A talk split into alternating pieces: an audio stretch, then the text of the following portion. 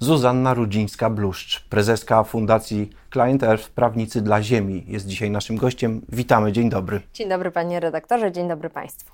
Porozmawiamy o projekcie ustawy, który Fundacja właśnie ujawniła, jest jego autorem, ustawy Prawo o ochronie klimatu. Takiej ustawy w Polsce jeszcze nie mamy i niektórzy twierdzą, że nie jest nam nawet potrzebna. Czy mają rację? No, pewnie nie zaskoczę pana redaktora, e, gdy powiem, że no, nie mają racji, ale być może dadzą się przekonać, e, słuchając dzisiejszej rozmowy albo kolejnych rozmów. E, rzeczywiście takiej ustawy w Polsce nie ma. Co więcej, w naszej ocenie nie ma w ogóle w Polsce takiej całościowej polityki klimatycznej. Co rozumiem przez całościową politykę Właśnie. klimatyczną? Takie spojrzenie na potrzeby Polski i obecnych czasów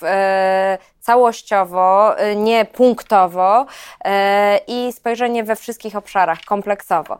Y, mam wrażenie, że wszystkie polityki klimatyczne, które są przyjmowane w Polsce, są reaktywne z uwagi na to, co dzieje się w Unii Europejskiej. Dostosowujemy w pośpiechu swoje prawo, bardziej lub mniej chętnie. Natomiast nie ma takiej inicjatywy politycznej w Polsce, a w mojej ocenie Polska powinna również sama szykować się E, się na to, co się już dzieje e, również u nas, czyli na zmiany klimatu, żeby zapewnić e, bezpieczeństwo mieszkańcom Polski, żeby zapewnić odporność Polski na zmiany klimatyczne.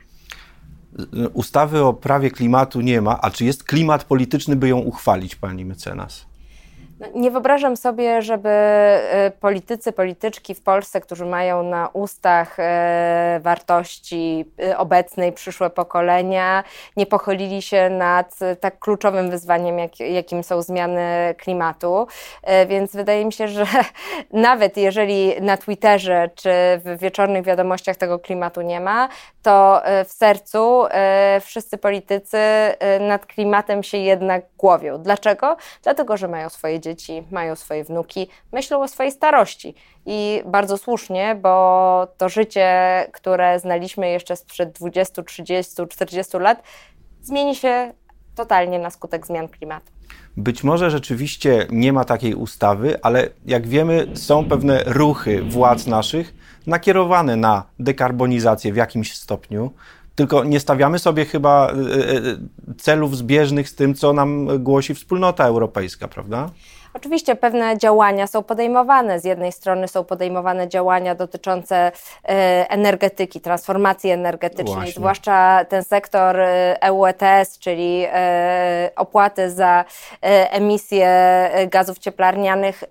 To się dzieje, natomiast cały sektor tak zwany non-ETS, czyli rolnictwo, leśnictwo, obróbka odpadów. Och, leśnictwo. Tak, tutaj możemy sobie e, wymieniać, te wszystkie obszary e, nie mają spójnych, kompleksowych e, działań. Może, mm, jeżeli pan redaktor pozwoli, przejdę do tego, co ta ustawa w ogóle mm, kładzie reguluje. na stole, co reguluje, dlaczego różni się od tego, co obecnie jest w polskim porządku prawnym.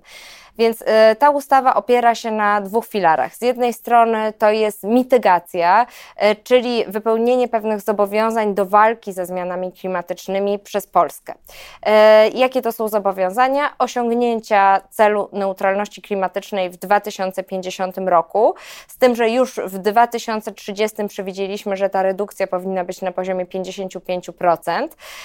No, pewnie nie będzie to zaskoczeniem, że jest to zbieżne z celami Unii Europejskiej. Europejskiej. Natomiast Polska pozostaje jedynym e, państwem członkowskim, który nie zadeklarował prawnie wiążącego celu neutralności klimatycznej. Jak pani myśli, dlaczego nie? E, no, myślę, że e, tutaj nawiążę do Pana e, wcześniejszego pytania. No, nie mamy takiego klimatu politycznego, to znaczy na pewno potrzeba pewnej odwagi, potrzeba pewnej wizyjności, potrzeba myślenia takiego przyszłościowego, a z tym w Polsce jak na lekarstwo. Trochę się obawiamy powiedzieć coś takiego sektorowi górniczemu, tak? Tak, ale moim zdaniem z zamiatania problemów pod dywan nigdy nic dobrego nie wyniknęło. To znaczy y, tylko przygotowanie się do tej transformacji, do tej zmiany, y, jako, jako, jaka musi zajść na świecie w związku z ocieplaniem się klimatu, y, pozwoli, żeby ta transformacja była sprawiedliwa. To znaczy te zmiany gospodarcze, społeczne, energetyczne są tak daleko idące, że potrzebujemy planu, jak e, im stawić czoła. Potrzebujemy właśnie e, e, pewnej refleksji, jak sprawić, żeby wszystkie grupy społeczne były możliwie najbardziej chronione. Jeżeli będziemy zamiatać ten problem pod dywan, a później jak on będzie spod tego dywanu wypełzał, będziemy starali się jakoś reaktywnie naprawiać rzeczywistość, będzie strasznie, bo po prostu ucierpią na tym ludzie, e, ucierpimy na tym wszyscy. Bo klimat się zmieni, niezależnie od tego, czy zmieni się prawo. Ale e, on, on się zmieni, on się już zmienia. To znaczy e, widzimy, że na grupy na pierwszej linii frontu, takie jak rolnicy, bardzo proszę, rolnicy, którzy są najbardziej narażeni na suszę, na gwałtowne, takie nawalne deszcze, które wcale nie nawadniają ziemi, bo ta gleba nie może zakumulować tej wody, tylko jest wypłukiwana i zaraz e, wysuszana. Rolnicy widzą te zmiany, e, widzą te zmiany osoby, które wykonują prace fizyczne na zewnątrz, widzą pewnie oglądający nas, nie wiem, działkowcy, seniorzy, którzy w lecie e, nie mogą wyjść, zrobić sprawunków badań... w mieście, bo jest za gorąco, a mamy beton i tak dalej, i tak dalej. Oni według badań autentycznie się tym wszystkim przejmują. Zostawmy mitygację, idźmy dalej. Co jeszcze? Jak mamy mitygację, to drugim filarem e, naszej ustawy jest adaptacja. To znaczy, tak jak żeśmy sobie po powiedzieli, zmiany e, zachodzą już teraz. E, no i pytanie, jak państwo, które ma obowiązek zapewniać prawną ochronę życia, ma obowiązek dbać o zdrowie nas, obywateli, to są konstytucyjne obowiązki, jak państwo je wypełnia w odniesieniu do klimatu?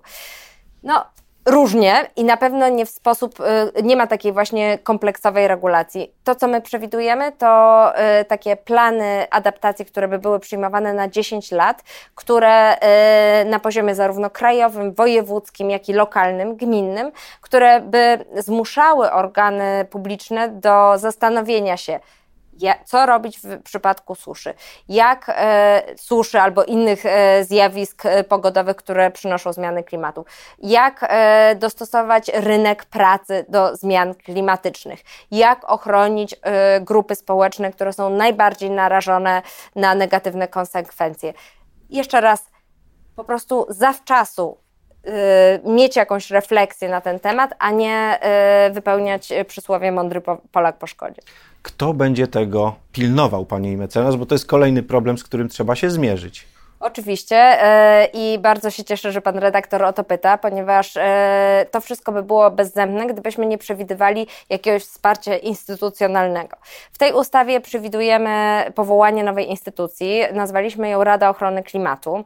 E, od razu powiem, że obserwując życie publiczne w Polsce przez ostatnie lata, byłam dosyć sceptyczna na początku, ponieważ z jednej strony jest bardzo niskie zaufanie do instytucji publicznych, z drugiej strony ciężko o jakoś zagwarantować niezależność instytucji, no której by nie dało się jakoś w łatwy sposób, jak e, rzeczywistość udowodniła, podkopać. Z trzeciej strony wiadomo, że powołując instytucję musimy zapewnić jej też jakieś budżetowanie, a e, potrzeby w Polsce wydatkowe są bardzo duże.